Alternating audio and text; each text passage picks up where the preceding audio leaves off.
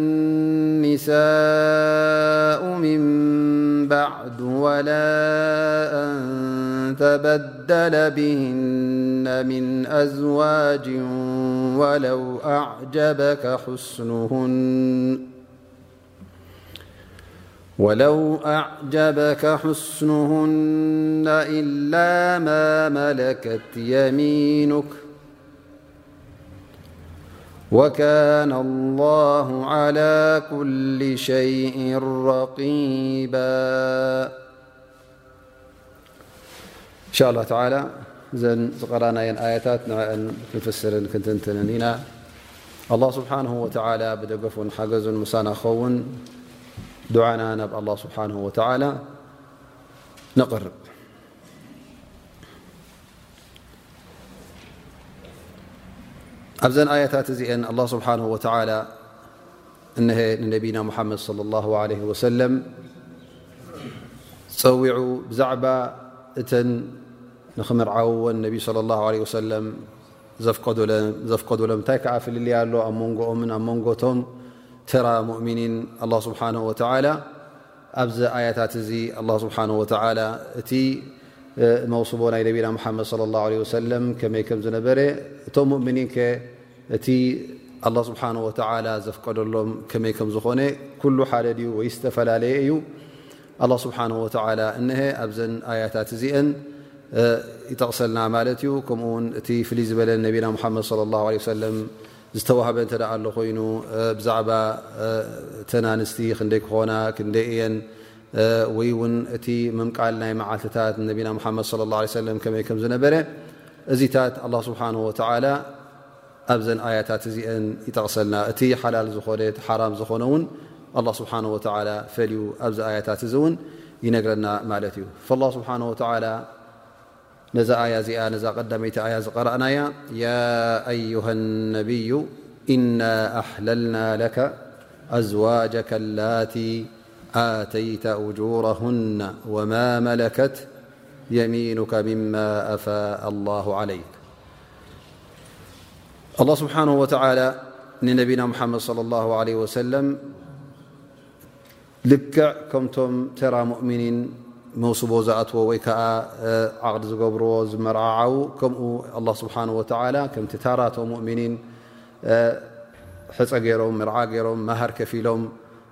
ንደቂ ኣንስትዮ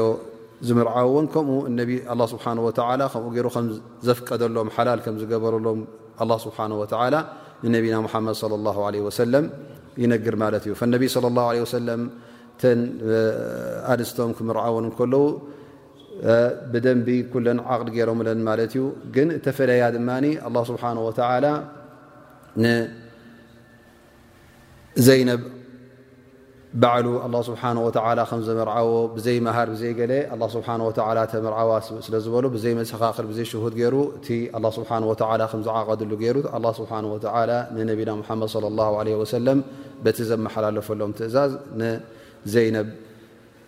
ተመርዕማ ማለት እዩ ላኪን ተን ካልኦት ኣንስቶም እተ ርኢና ብዕሊ ብመሃር ዘለዎ ነቢ صለ ላه ለ ሰለም መሃር ከፍ ኢሎም ከም ተራ ሰብ ይምርዓዊ ነይሮም ማለት እዩ ዓእሻ ረድ ላ ዓንሃ እውን ጠቐሰቶ እተን ኣንስቲ ነቢና ሙሓመድ ለ ላه ለ ሰለም ተመርዓውወን ብካነ ማህሩ ኒሳኢ ትብል እትና ዓሸራ ኡቅየተ ወኒሻ ወይ ወኒሷ ማለት ፍርቂ ማለት እዩ ስለዚ እዚ ክንደይ ኸውን ነይሩ ማለት እዩ ነቢ ስለ ላ ለ ሰለም ብዓሰርተ ክልተ ወገያ ተመርዕም ማለት እዩ ፍረቃን ሃከደ ነቢ ስለ ላሁ ለ ሰለም ከምኡ ገይሮም ተመርዕሞን ማለት እዩ ከምሱ ሚያ ዲርሃም ኢላ እሞ ሓቢባ ኣርባዑምያ ክበሃል እተን ዓሰርተ ክልተ ኦግያ ክበሃላ ከለዋ በቲ ናይ ቀደም ከምስምያ ዲርሃም ይኾና ነይረን ማለት እዩ እሙ ሓቢባ ግን ነቢ ስለ ላሁ ለ ሰለም ክምርዓወን ከለዉ ባዕሎም ኣይኮነ እንታይ ደኣ ብወኪል ገይሮም ትምርዕዮመን መን እዩ ነጃሺ ኣምርዕማ ማለት እዩ ናታ ከዓ ኣርባዑምያ ዲርሃም ዝኸውን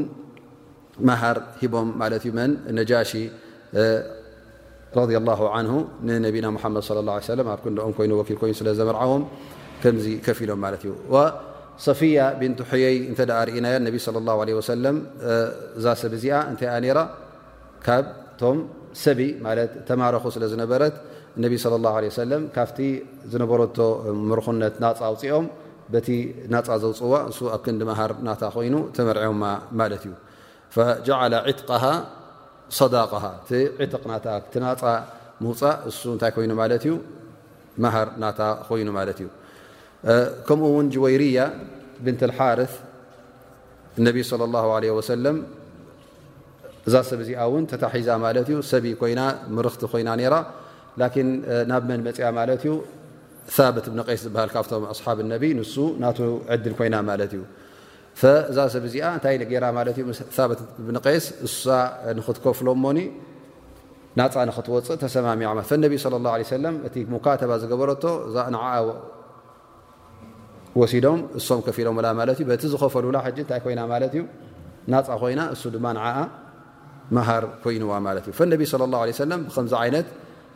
እዩ እቲ መርዖም ነይሩ መሃር እኸፍሉ ነይሮም ወይ ከዓ እቲ ዝግበአን ሰዋእን ጥረ ገንዘብ ኮይኑ ወይ ከዓ ናፃ ኣውፅኦም ነቢ ስ ሰለም ካብቲ ዝነበረኦ ባርነት እነቢ ስለ ላ ለ ሰለም ከምዚ ገይሮም ይምርዓዊ ነይሮም ማለት እዩ ላ ስብሓን ወተላ ተቀዳማይ ንነቢና ሙሓመድ ለ ላ ለ ሰለም ሓላል ዝገበሮ ክምርዓዊ ከለዉ እቲ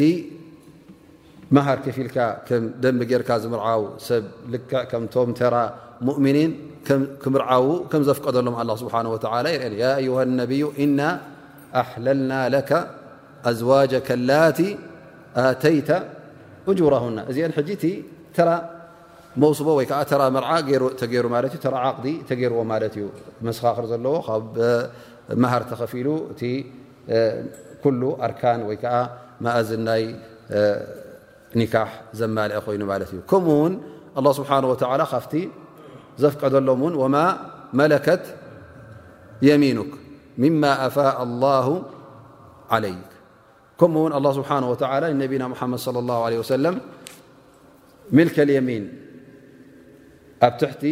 ምልኮም ዝኣተወት ማለት እዩ እዚ ኣብ ትሕቲ ምልኮም ትኣት ዝነበረት ከዓ ብሰንኪ እንታይ እዩ ብሰንኪ ናይ ተማረኸት ማለት እዩ ኣብ ኩናት ኣብ መንጎ እስላምን ዘየስላም እተገበረ ኩናት እተ ተማረኸት ኮይና ትሕቲ ምልኮም ትኣት ማለት እዩ ወይ ከዓ ከምቲ ኣማ ማለት እዩ እሳ ብቐንዳ ኣማ ነራ ኮይና ንኣብነት እነቢ ለ ላ ለ ሰለም ንማርያ እንታይ ነራ ሓደ ካብተን ሰራያ ናይ ነቢ ስ ሰለ ተሰራሃ ነቢ ለ ላ ለ ሰለም ሕጂ እሳ ከም ምንታይ ኮይና መፅኣ ኣስለን ብቐንዱ እሳ ከም ባርያ እያ ነራ ማለት እዩ ማርያ ቅብጥያ ሃድያ ነቢና ሓመድ ለ ላ ለ ሰለም መፅኣቶ ማለት እዩ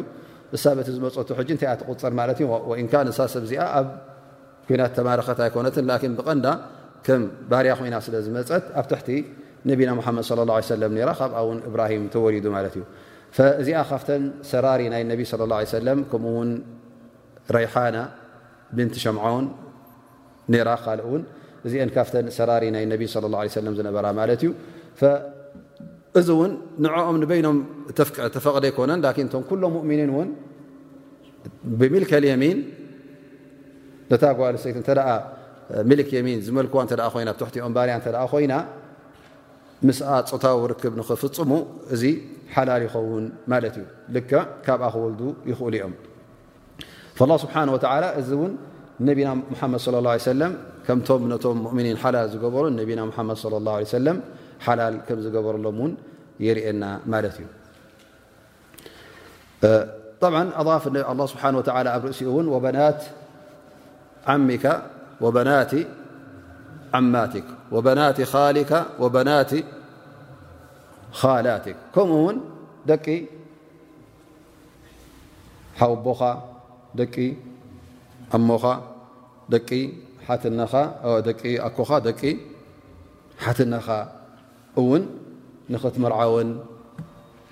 ፍቁድ እዩ ይብሎ ኣላ ስብሓን ወተላ ንመን ንነቢና ሓመድ ስ ሰለም ከምኡ እውን እቶም ክሳዕ ሕጂ እቶም ሙእምኒን እውን እንታይ እዮም ኣብዚ ነገር እዚ እትዋት እዮም ኣኑ ኣብቲ ሸርዒ እስልምና ጓል ሓቦኻ ትምርዖ ዶ ትምርዖን ትምርዖ ኢኻ ጓል ሞኻ ትምርዓዋ ኢኻ ጓል ኮኻ እውን ትምርዓዋ ኢኻ ጓል ሓትናኻ እውን ትምርዖ ኢኻ طبع قال العلماء وهذا عدل وسط بين الإفراط والتفريط يعني الله سبحانه وتعلى سلمن شرع الناس ت أكلي ዝن يبلو مني فتم ك هي ل در إلم أي هدوي جي و ولحዎم نمرع م ፍቑድ እዩ ሓላል እዩ ኣብ ናይ ክርስትና እተ ርእኻ ድማ ክሳዕ ክንደይ ወለዶ እዮም ዝብሉ ክሳዕ ሻውዓይ ወለዶ ኣይትመርዓውን ኢኻ ማለት እዩ ላ ስብሓን ወተላ ትስልምና ላ እፍራጥ ወላ ተፍሪጥ ፈፂሙ ካብቶም እዝማትካ ከምትርሕቕ ኣይገበረካ እቶም ዳርጋ ደቅኻ ዝኾኑኻ ድማ ምስኦም መውስቦ ክትገብር ኣይፍቀደልካ ማለት እዩ ኣ ጓል ሓዉኻ እተዳሪኻ ወይ ጓል ሓፍትኻ እንታይ ማለት እዩ ዳርጋ ከም ከም ጓልካ እያ ማለት እዩ ፈዘን ካብቶም ኣዝማትካ ዝፍቀዱኻ ኣይኖት እዮም ደቂ ሓውቦኻ ከምኡ ኢልካ እተ ቀፂሉ ወይ ከዓ ደቂ ሓትነኻ ደቂ ሓውቦኻን ደቂ ሓትነኻን ጓልሓወቦኻን ጓሎሞኻን ጓለኮኻን ማለት እዩ ሰብኣን ቦቦን ቦደን ማለት እዩ ኣሞን ሓወቦን ማለት እዩ ግዴታ ጥራይ ቦቦ ከይመስለካ ብክልቲኡ ደቂ ሞኻን ደቂ ሓወቦኻን ትምርዓውን ትኽእል ኢኻ ከምኡ ውን ደቂ ኮኻን ደቂ ሓትነኻን ማለት እዩ ላኪን እንተ ኣብ ፍሩዕ ወይ ከዓ ኣብቲ ጨናፍር እተ ክንመፅብ ኮይና ጨናፍርካ ፈፂሙ ኣይፍቀደካን እዩ ወላ እውን ሻውዓይ ወለዶ ይብፃሕ ማለት ጓል ወድኻ ወይ ከዓ ጓል ጓል ጓል ጓልካ እንተ ኢልናዮ ሕጂ ንኣብነት እስኻ ረቢ ዕድመ ሂቡካ ንበል እቶም ደቅኻ ቀቀልጢፎም ተ ተመሪዖም ሙምክን ንስኻ ኣብ መንጎኻን ኣብ መንጎ እቲ መጨረሻ ተወሊዳ ዘላን ሙምክን ኣርባዕተ ሓሙሽተ ሽዱሽተ ወለዶ ህሉ ኸውን ማለት ጓል ጓል ጓል ጓልካ ትኸውን ወይ ከዓ ጓል ወዲ ወዲ ወድኻ ትኸውን ማለት እዩ ሓታ እዚኣ ውን እታይ እያ እንታይ እያ ትቁፅር ማለት እዩ ጓልካ እያ ትቁፅር ማለት እዩ ኣኑ ካባኻ ጨንፈር ስለ ዝኾነት ኣማ ደቂ ሓውቦኻ እተ ወላ ቀፂሎም ብኡ ሓላል እናኾነ ኸይድ ማለት እዩ ከምኡ ውን እሱል ኢሎም ማለት እዩ ትቐንዲኻ ውን ሰብኣን ኣደቦኻ ኣደዲኣ ሓትን ነቦኻ ሓትን ተን መሓረማ ዝኾኑ ወላ ውን ነቦኻ ሓትን ንኡ እንተ ኮይና ውን ኣይትቕርባን ኢኻ ማለት እዩ ወይ ከዓ ሓትና ሓትንኡ እተ እናደይ ከ ሓት ሓትንኡ እታይ ሓትንኡ ዓባይካ ማለት እዩ ፈዘ ኣብኡ እናበልካ ኣብ ምንታይ ትኣት ኣለኻ ማለት እዩ ኣብቲ ፈዘ ኣብቲ ቐንድታትካ ውን ኣብቲ ጨናፍርካ ኣብኡ ግን ወላ እንተረሓቐ ኣላ ስብሓን ወተላ ነዚ ነገር እዚ ኣየፍቀደልካን እዩ ወላ እውን ደቂ ሓዉኻ ውን ጓል ሓዉኻ ጥራይ ታቐርብ ወይ እነዘሉ ጓል ጓል ጓል ጓል ሓውኻ እንተ ኮይና ከምኡ እናዳካ ክላስ ስኻ እንታይ ኢኻ ትቁፅር ሕጂ ኣባሓጎኦም ኢኻ ትቁፅር ዘለካ ማለት ስኻ ካብቶም ቀንዲ ስለ ትቁፅር ብንስባ ነታ ዝተሓተት ንዓኣ ሕጂ ንክትምርዓዋ ኣይፍቀደካን እዩ እዘን እቲ ዝፍቀደካ ኣፍቶም ኣዝማትካ ኣፍቶም ቀረባ ማለት እዩ ኣይኖት እዮም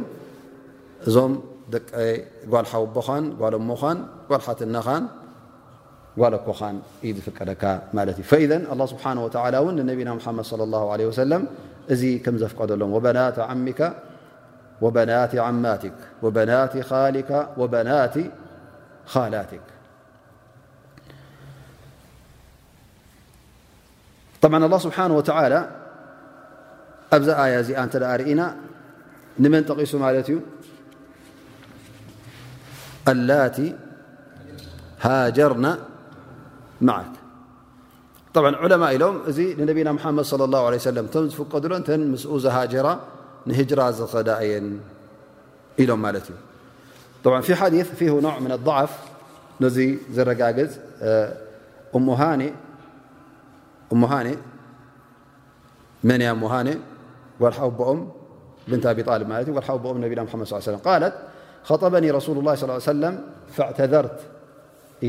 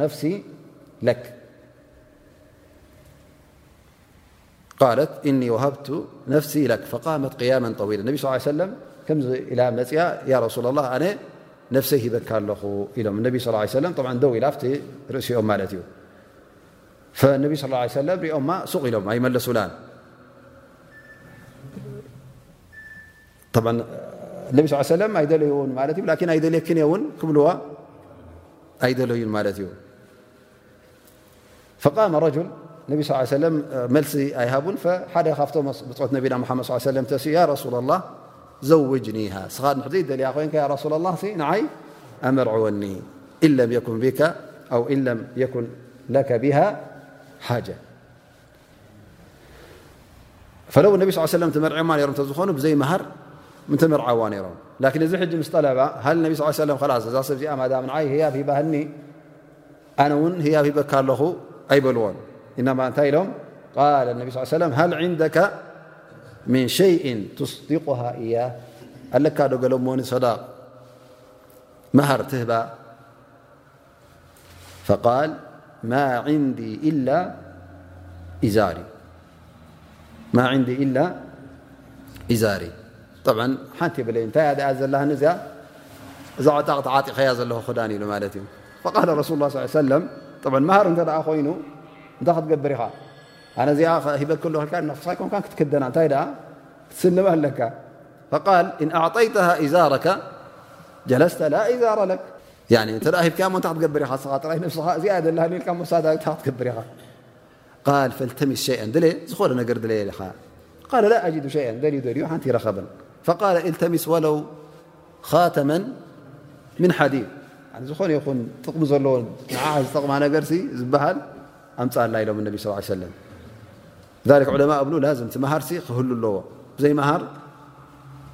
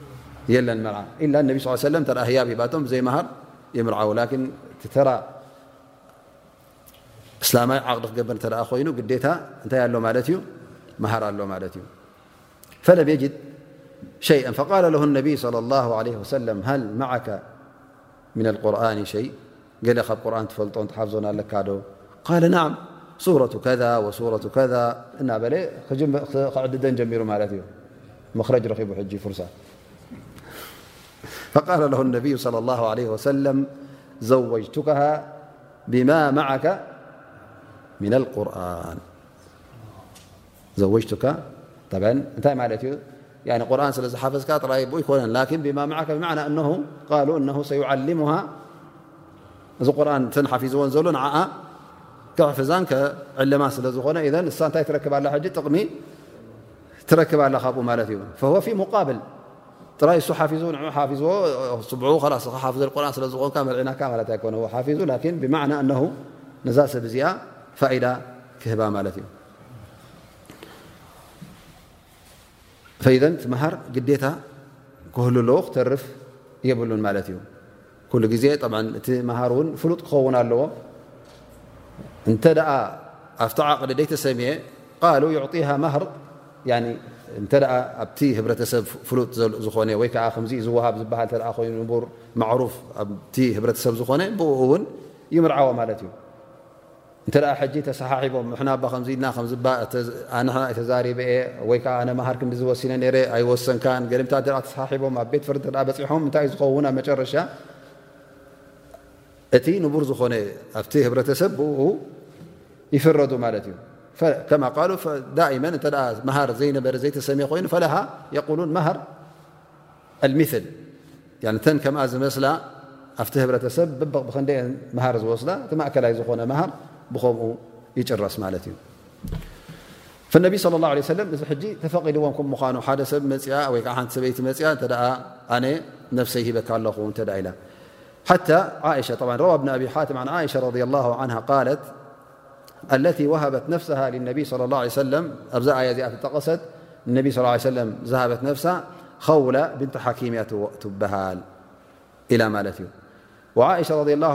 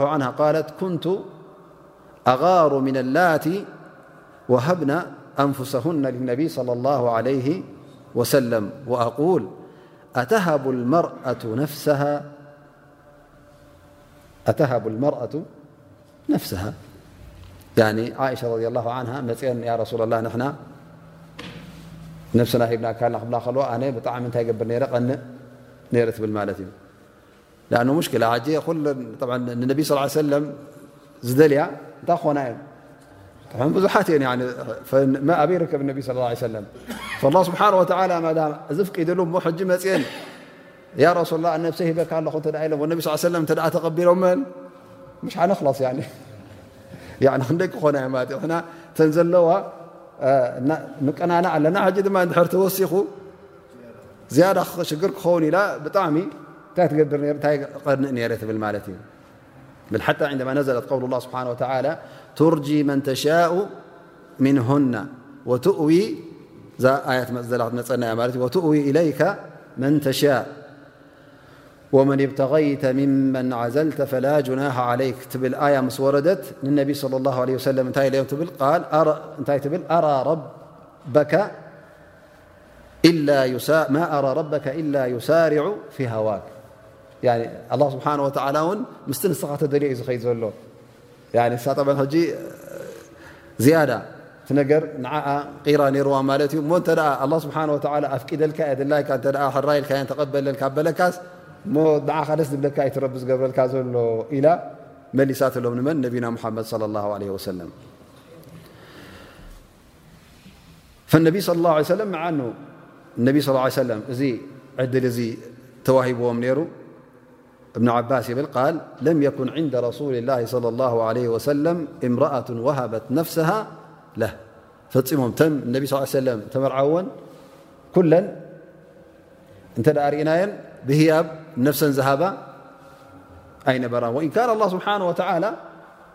ኣፍቂዱሉ ይኹን ደኣ እምበር ግን ፈፂሙ እነቢ ስ ሰለ ሓታ እዛ ዝመፀት እውን ሕራይ ኣይበልዋን ኣ ስብሓ ዓሉ ለው ፍት ሃ ባብ ስብሓ ኣፍቂድሎም እዩ ላን ንሶም እውን እዚ ነገር ዚ ተጠቂሞም ሩ ሕራይ ኢሎማ ዝኾነ እዚኣ ብድሕሪኣ ትመፅእ እውን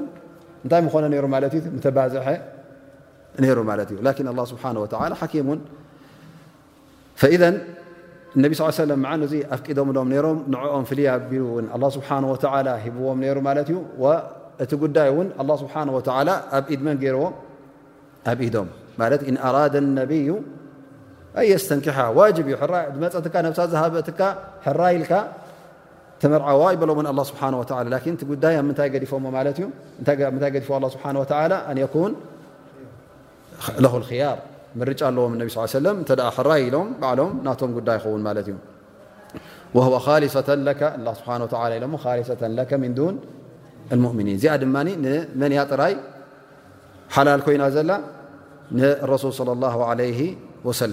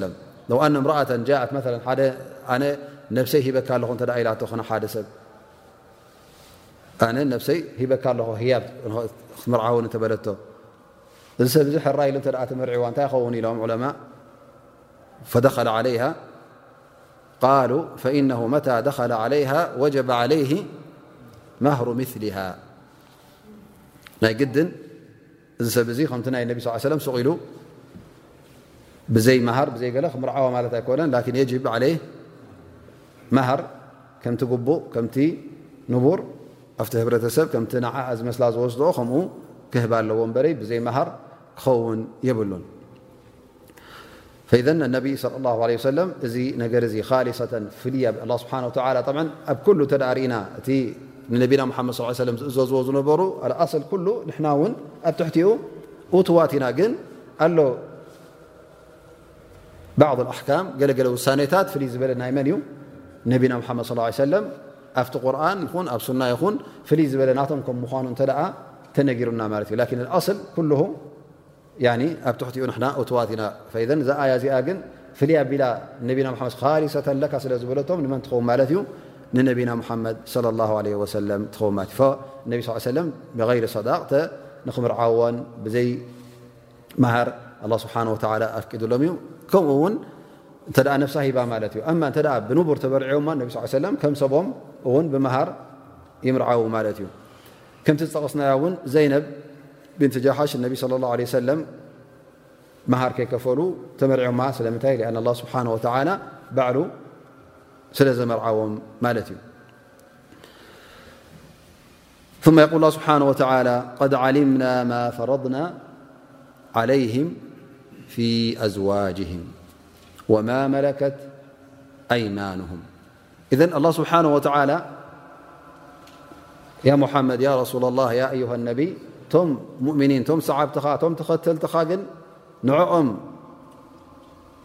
ዘፍቀድናሎም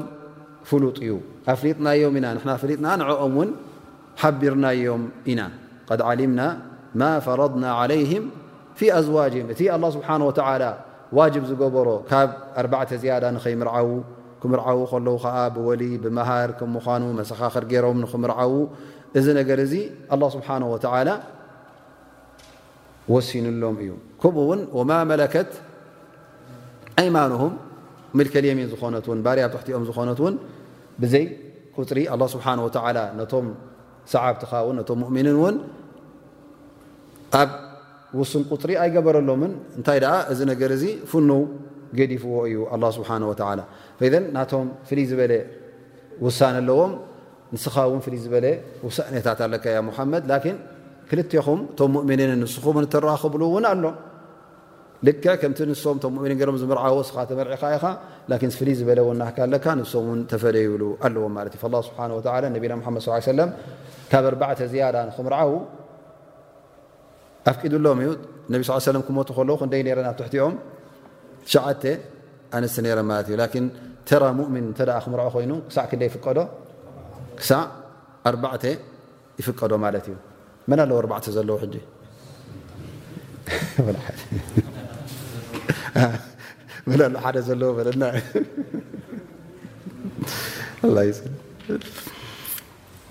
ይ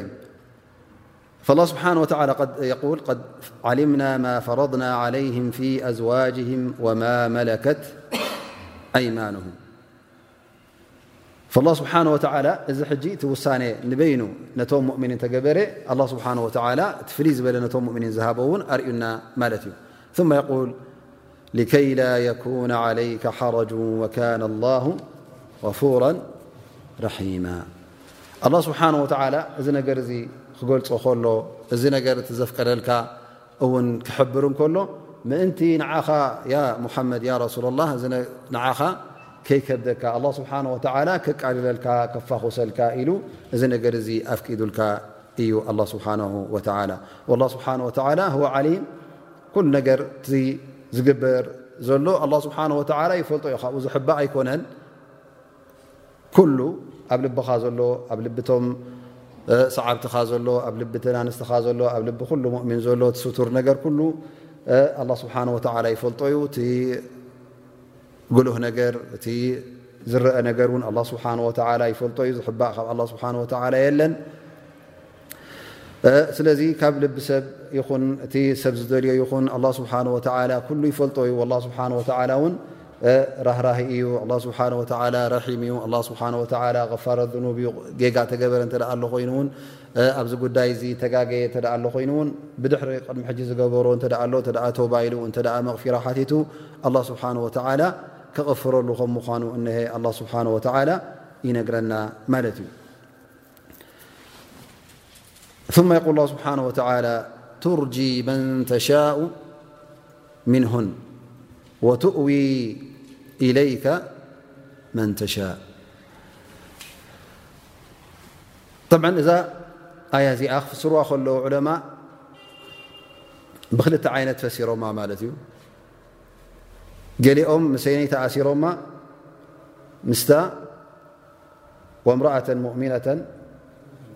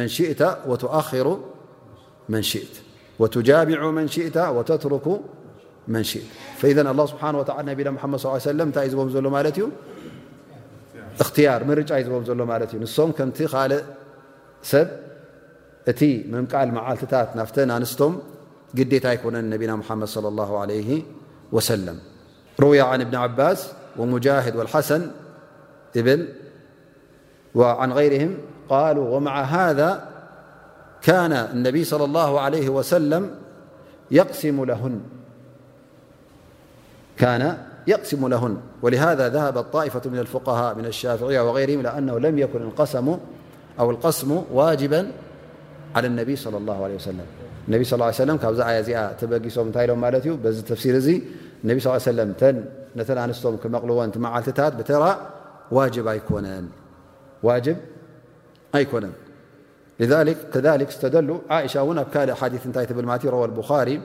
عن عائشة -رضي الله عنها أن رسول الله صلى الله عليه وسلم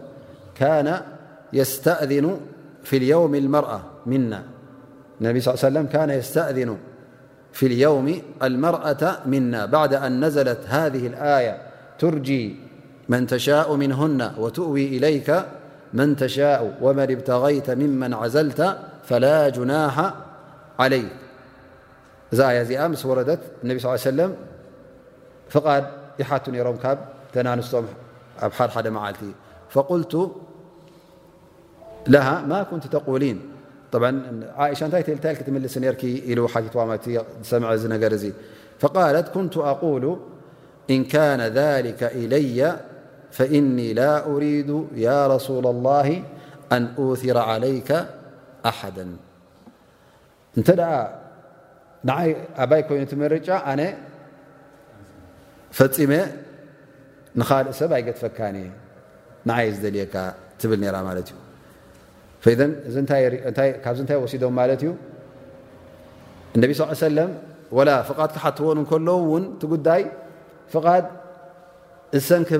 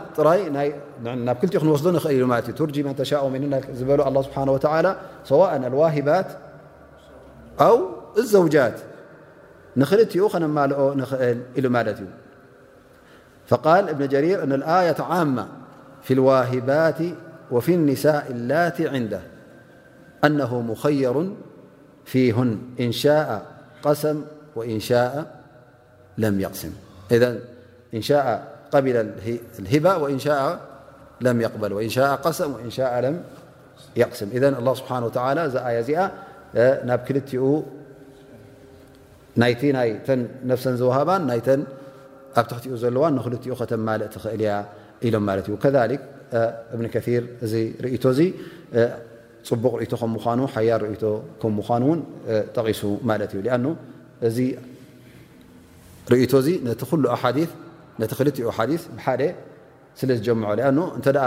እተፈላለዩ ሓዲስ ተረኺቦም እቲ ካልእ ትርጉም እቲ ካልእ ትርጉም ዝሓዘ እንተ ንክልቲኦም ጠሚርካ ብሓደ ተረድኦ ክትርድኦ ትኽእል እተ ኮንካ ንክልቲኦም ከይነፀግካ ንክልቲኦም ክትቅበል እተ ዝከኣል ኮይኑ እንታይ ክትገብር ኣለካ ማለት እዩ ጀምዕ ኣፍደል ይኸውን ስቲ ዝበለፀ ማለት እዩ ክልቲኦም ዘይራኸቡ እተ ኮይኖም ፈፂሞም ግን ካልእ ጉዳይ እዩ ላን እተ ክራኸቡ ክኢሎም መጀመርያ እንታይ ክትገብር ኣለካ ማለት እዩ ፈተና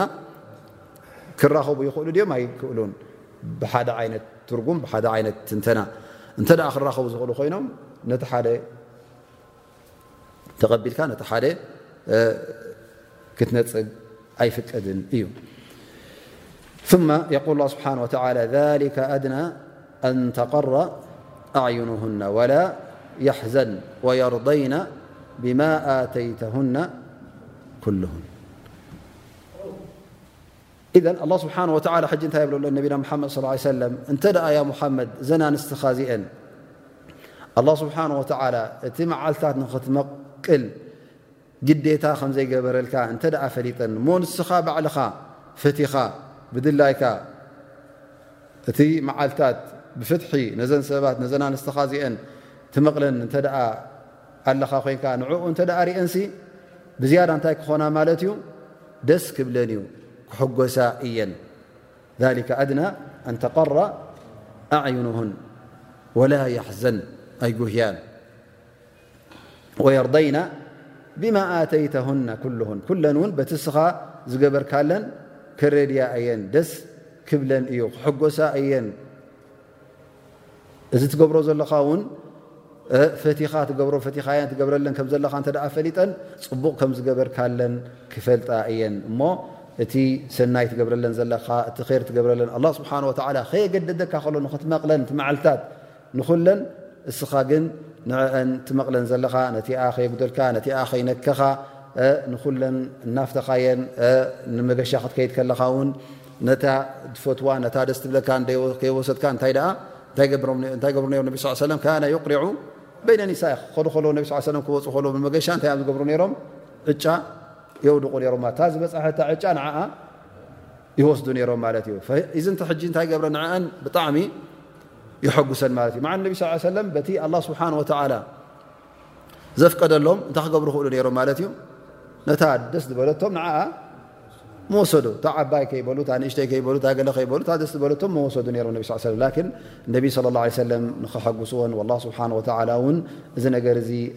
ንዕኦም በቲ ዝሃቦም ዕድል ማለት እዩ ፅቡቕ ገይሮም ሕዝዎን ነይሮም ንዐን ደስ ከብሉ ንዐን ክሐጉሱ እውን እቲ መዓልትታት እናመቓቐሉ ክገሹ ተኸድኣ ኮይኖም ብዕጫ እናገበሩ ይወስድዎን ነይሮም ማለት እዩ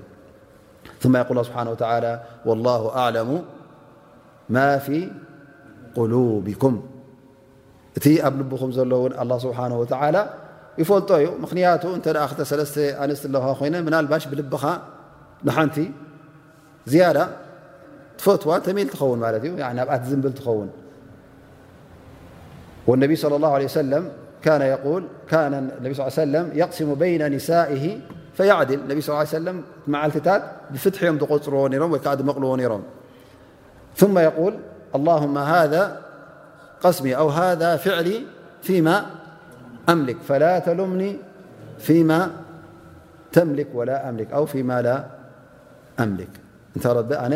እታ ዝትከኣለኒ ገይረ ይመቕልን ኣለኹ ላኪን እታ ክቆፃፀራ ዘይክእል እሞ ንስኻ ትቆፃፀራ ብኣ ኣይትሕተተኒ ብኣ ኣይትሓዘለይ ኢኻ ረቢ ኣ ብል ባት እዩ እንተ ሓደ ሰብ ክሰለስተ ወይ ክሳ ኣርባዕተ ኣለዎ ኮይነ ነቲ ሓንቲ ዝያዳ ዝፈትዋ ኮይኑ ናይ ልቢ ፍቕሪ ሕ ናይ ልቢ ፍቶት እንታይ እዩ ማዕፉ ዓን ዳኑ እዚ ኣብ ኢድካ ኣይኮነን ስለዚ ኣብቲ ፍቕሪ እውን ንኹለን ሓደ ዓይነት ፍቕርን ሓደ ዓይነት ምፍታውን ክትፈትወን ኣለካ ኣይበሃልን ዳኑ እዚ ኣብ ኢድካ ኣይኮነን እንታይ ኣ እዚ ኣብ ኢድ ረቢ ስለ ዝኾነ ናይ ምፍታው ነገር ናይ ልቢ ነገር በይኑ እዩ ላኪን እንታይ ክትገብር ኣለካ ዝከኣለካ እንታይ ትገብር ነዚ ነገር እዚ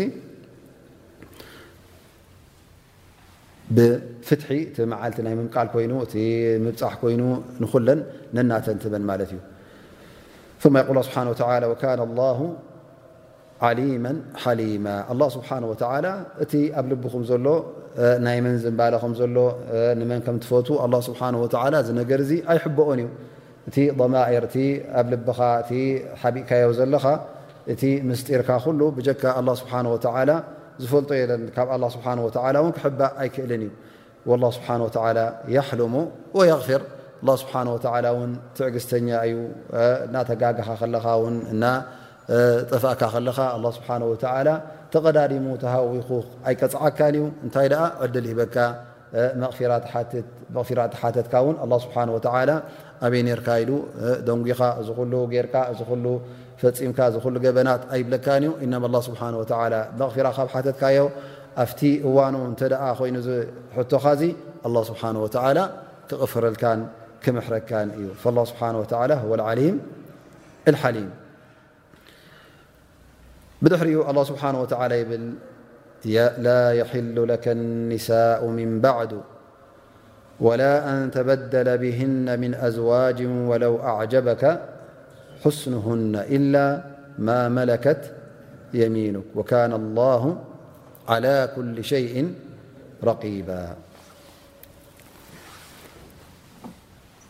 እዛ ኣያ እዚኣ ይብል እብኒ ዓባስ ከምኡ ውን ሙጃሂድ ቶም ኣስሓብ ነቢ ስለ ላ ሰለም ቶም ሙፈሲሪን ነዚ ቁርን እዚ ዝያዳ ናይ ተፍሲር ክእለት ዝነበሮም ኣብቶም ታብዒን ውን ይኹኑ ከም በዓል ቐታዳ ወغይር ይብል እነዛ ኣያ እዚኣ ነተን ኣንስቲ ነቢና ሙሓመድ ለ ላ ለ ወሰለም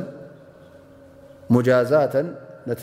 በቲ ዝገበረኦ ሰናይ በቲ ነቢና ሓመድ ለ ላ ለ ወሰለም ንሕና ንኣላህን ንረሱል ኢና ንመርጽ ዝበላ ወላ ውን ኣብ ድኽነት ንንበር ናይ ኣዱንያ ነገራት ወላ ውን ይትረፈና ጥራይ ኣላህን ረሱልን ንርከብ ኢለን ምስ መረጻ ኣላ ስብሓን ወተዓላ እዚ ዓስበን ገይሩለን ማለት እዩ ዋህዋ ንላ ስብሓን ወተዓላ ብድሕሪ እን ካልኦት ንኸይምርዖ ኣላ ስብሓን ወተዓላ ከልኪልዎ ማለት እዩ ፈቃል ላ የሕሉ ለከ ኒሳኡ ምን ባዕድ ሚን ባዕዱ እንታይ ማለት ሕጂ እንታይ ኢሎም እዚኣ ጠ ሓደ ዓይነት ተፍሲር ሚን ባዕዱ ኣይ ሚን ባዕድ ኣዝዋጅ ብድሕርዘን ኣንስ እዚአን ተመርዒኸያን ዘለኻ ካልኦት ንክትምርዖ ኣይፍቀደካን እዩ ኣነሁና እዚአን ሰባት እዚአን እንታይ እየን ገይረን ንዓኻ ስለ ዝመረፃ እሞ ኣላ ስብሓን ወተዓላ ኣብ ኣዱንያን ኣብ ኣኼራን ኣንስትኻ ንክኾና ኣላህ ስብሓነሁ ወተዓላ እዘን ንዐዐን ገይርዎ ማለት እዩ። ምኽንያቱ እዘን ሰባት እዚኤን እቲ ዝወደቐን ፈተና ዓቢ ፈተና እዩ ነይሩ። ላኪን ኣብዚ ፈተና እዚ ጽቡቕ መልሲ ስለ ዝሃባ እዚ ፈተና እዚ ብሰላም ስለ ዝሰገረኦ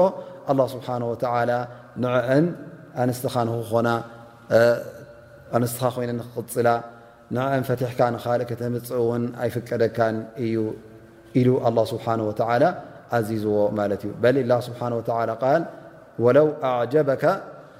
ሑስኑሁን ወላ ውን ካልኦት መልክዐን ይዕጀባኻ ደስ ይበላኻ ንኽትምርዓወን ድላይ ይሃሉኻ ደኣ እምበር ኣላህ ስብሓነሁ ወተዓላ ከልኪሉካ እዩ ትብል ዘላ ኢላ ጠብዓ ኣላህ ስብሓነሁ ወተዓላ ስተትና ኢላ ማ መለከት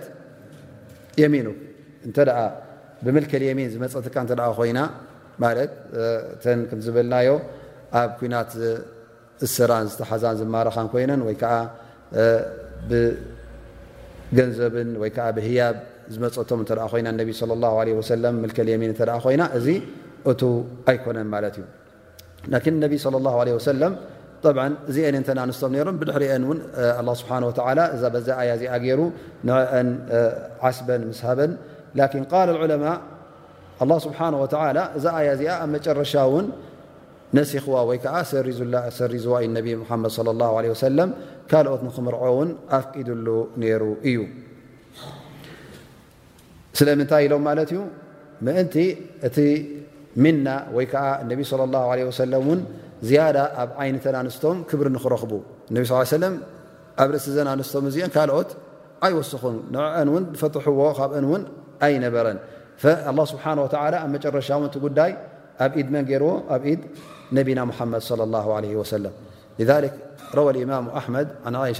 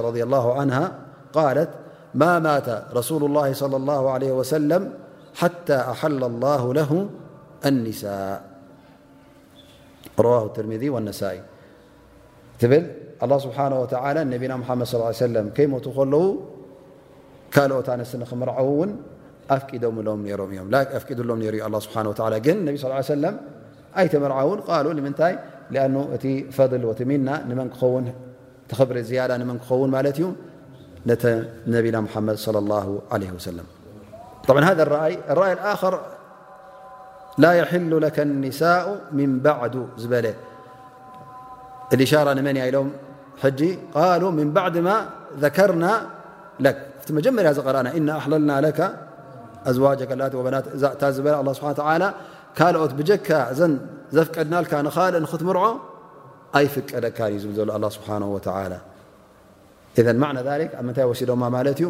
ኣብቲ መጀመርያ እቲ ኣላ ስብሓን ወተላ ነቢና ምሓመድ እንታይ ኣፍቂድሉ ከም ሰብ ከም ተራ ሰብ ብመሃር ይምርዖ ማለት እዩ ወይ ከዓ ብምልከል የሚን ይምርዖ ማለት እዩ ወይ እውን ነፍሳ ውሃበት ነፍስሃ ከምኡ እውን ካብ መን ክትከውን ኣለዎ ማለት እዩ ካብተን ኣላ ስብሓን ወተላ ዝጠቐሰን ካብተን ኣዝማዱ እውን ተንተፈቐዱን በናት ዓሚክ ተን ደቂ ሓቦኻን ደቂ ሞኻን ኣኮኻን ደቂ ሓትናኻን ዝበልናካ ኣላቲ ሃጀርና መዓክ እዚአን ተጠቒሱ ማለት እዩ ሕጂ እቲ ኣላ ስብሓን ወተላ እዚአን ማዕና ሊካ ምስ ምንታይ ኣሲሮሞ ማለት እዩ ምስታ መጀመርያ ኣያ ረቅም ሲ መበል ሓምሳ ዝቐረእናያ ምስኣ ኣሲሮማ እምበር ምስተን ኣንስቶም ዝተኣሰረት ኣይኮነትን እዘን ማዕና ሊክ እነቢ ስ ሰለም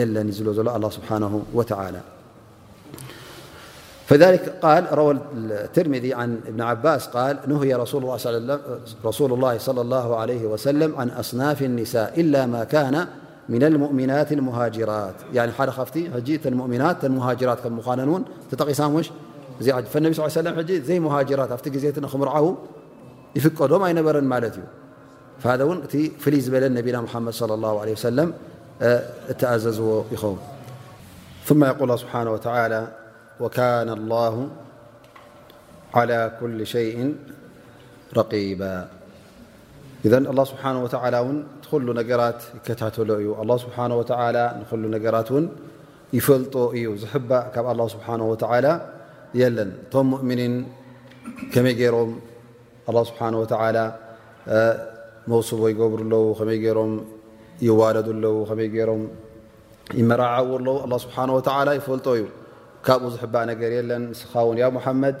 እቲ ኣላ ስብሓን ወተላ ኣፍቂዱልካ ዘሎ ንስኻ ውን ከመይ ጌርካ መውስቦን መርዓን ትገብር ኣለኻ ከመይ ጌርካ ትምርዖ ከም ዘለኻ ዓቕዲ ትገብር ከም ዘለኻ ንዓኻ ንኣንስትኻ ማለት እዩ ኣላ ስብሓን ወተላ ኩሉ ይፈልጦ እዩ ካብ ኣላ ስብሓን ወተላ ዝሕባእ ነገር የለን ኩሉ ኣብ ትሕቲ ቁፅፅር ናይ ኣላ ስብሓን ወተላ እዩ ዘሎ እሞ እንተ ደኣ ካብቲ ኣላ ስብሓን ወተዓላ ዝወሰኖ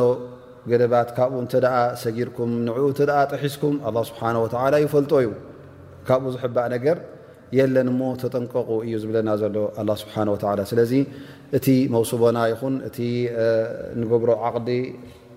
ሽርዒ ዝሓዘ መገዲ ሱና እተኸተለ ክኸውን ኣለዎ ካብኡ ዝወጸን ካብኡ ዝረሓቕን ክኸውን የብሉን ዲኣኑ እቲ ኣላ ስብሓን ወተላ ባዕሉ እቲ ሸርዒ ናይዚ ጉዳይ እዚ ወይ ከዓ ገደባት ናይዚ ነገር እዚ ኣላ ስብሓን ወተላ ባዕሉ ይወስዩልና ባዕሉ እዩ ወሲና ማለት ባዕልኻ ብእጅትሃድ ትገብሮ ነገር ኣይኮነን መንያ ታ ሓላልካ ዝኾነት መንያ ታ ሓራምካ ዝኾነት መን ይወሲንዎ እዚ ኣላ ስብሓን ወተላ እተን ክትምርዓወን ዘፍቀደልካ መን እዩ ወሲንዎ ኣላ ስብሓን ወተላ እተን ክትምርዓወን ዘይትኽእል ሙሓረማት ዝኾና እውን መን እዩ ወሲንዎ ኣላ ስብሓን ወተላ ስለዚ ነዚ ነገር እዚ ኩሉ ከየጉደልካ እተ ክትምርዖ ክተብል ኮይንካ ንኩሉ ርኢኻ ንኩሉ ከተማልእ ኣለካ ማለት እዩ እንተ ዘይኮነ ግን እተ ከምድላይካ ትገብር እተ እዚኣ ሓላልካ ሓራምካ ዘይትፈልጥ እተ ኮይንካ ስቅልካ ትምርዖ እተ ኣለካ ኮይንካ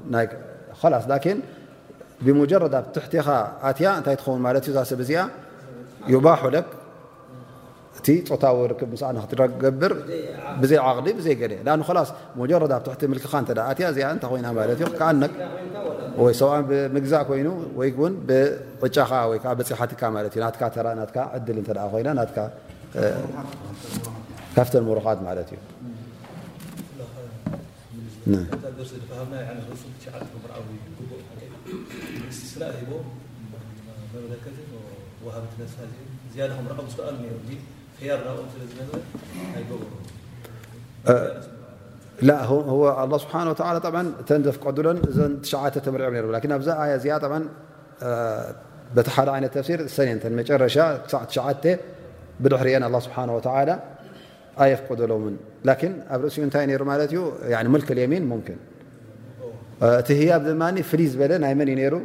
ነቢና ሓመድ ስ ሰለ ሓንቲ ጓል ሰይቲ ነቢና ሓመድ ስ ሰለ መፅ ኣነ ነብሰ ሂበለኹ እተ ኢላ ነቢ ስ ሰለም እተ ደልኦም ክምርዓዋን ወይ ከዓ ሰበይቶም ገብርዋ እተ ደልኦም ከም ዝኽእሉ ብዘይ መሃር ብዘይ ገለ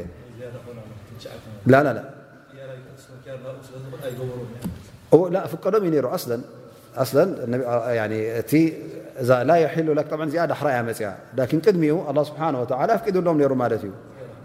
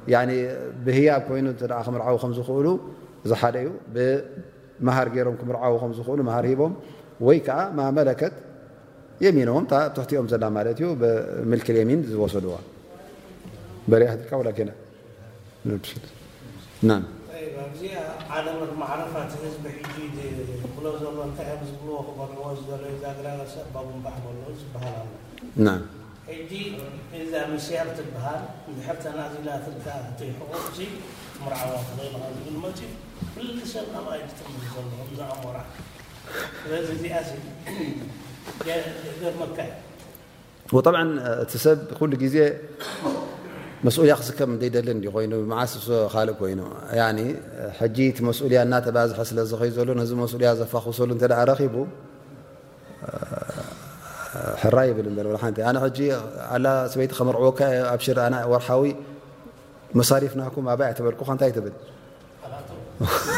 ን ኮይኑ ዘሎ ሰብ ሓደ ካብቲ ሙሽኪላ ዘሎ ወይዓ ካብ ሽግራ ዘጓንፎ ዘሎ ሰብ እንታይ እዩ ናይ ሕፅረት ናይ ኢድ ስለ ዘሎ ካይቲ ተመርዓወን ማለት እዩ ኣብ ርእሲኡ ድማ እታ ካይቲ ነጥ ድማ እታይዩ ፈራሃ ኣሎ ማለት እዩ ካብታ ምስ ዘላ ሰበይቲ እሞ እተ ምስያር ኮይኑ እንታይ ክኸውን ኣይክትፍለጥን እያ ማለት እዩ ኣ ኣብ ዝጣዓሞ ዩ ክኸይድ ላኪን እንተ ረስሚ ኮይና እንታይ እዩ ሓንቲ በዓል ትፍት ሓንቲ መዓል ትፍት ክትፍለጥ እያ ኣብኣ ሓንቲ ለይቲ ከማ ኣይትሕክምን እያ ማለት እዩ ስለዚ ሰብ እንታይ መሪፁ ማለት እዩ ነዛ ትብላ ዘለካ ናብዛ ምስያር ዓዒንቱ ናብኣ ርኢ ሎ ማለት እዩ ብ ባዕض ዑለማ ነዚ ነገር እዚ ወላ እዚ መርዓ ዚ ናይ ሽሩጥ ናቱ ዘማልአ ይኹን ዳኣ እምበር ግን ነተን ደቂ ኣንስትዮ ይጎድእ ስለ ዝኾነ ካልኣይ ነገር ውን ነቲ ወተባዕታይ ውን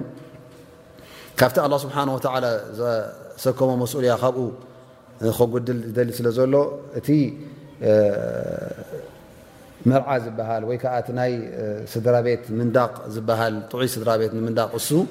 ክሰኣን ማለት እዩ ዳሕራይ ኣብ መጨረሻ እውን ምናልባሽ እዛ ሰብ እዚኣ እውን ኣነ ኸላስ ተናዚለ ነራኪን ክምለስ ኣነ ሕጂ ከም ሰበይ ኣድልየኒ ኣሎ ወይ ከዓ ከምኡታት ኢላ እውን እንታይ ክትገብር ክትእል ማለት ክትገብር እያ ሙምክን ኣብቲ ንቡር ዝኾነ ናይ ስድራ ናብራ ኣብኡ ውን ክትምለስ ወይ ከዓ ክትኣቱ ትደሊ ትኸውን ስለዚ እንታይ ክኸውን ዩ ዳሕራይ መጨረሻ ውን ኣብ ምስሕሓብ ንክይበፅሕ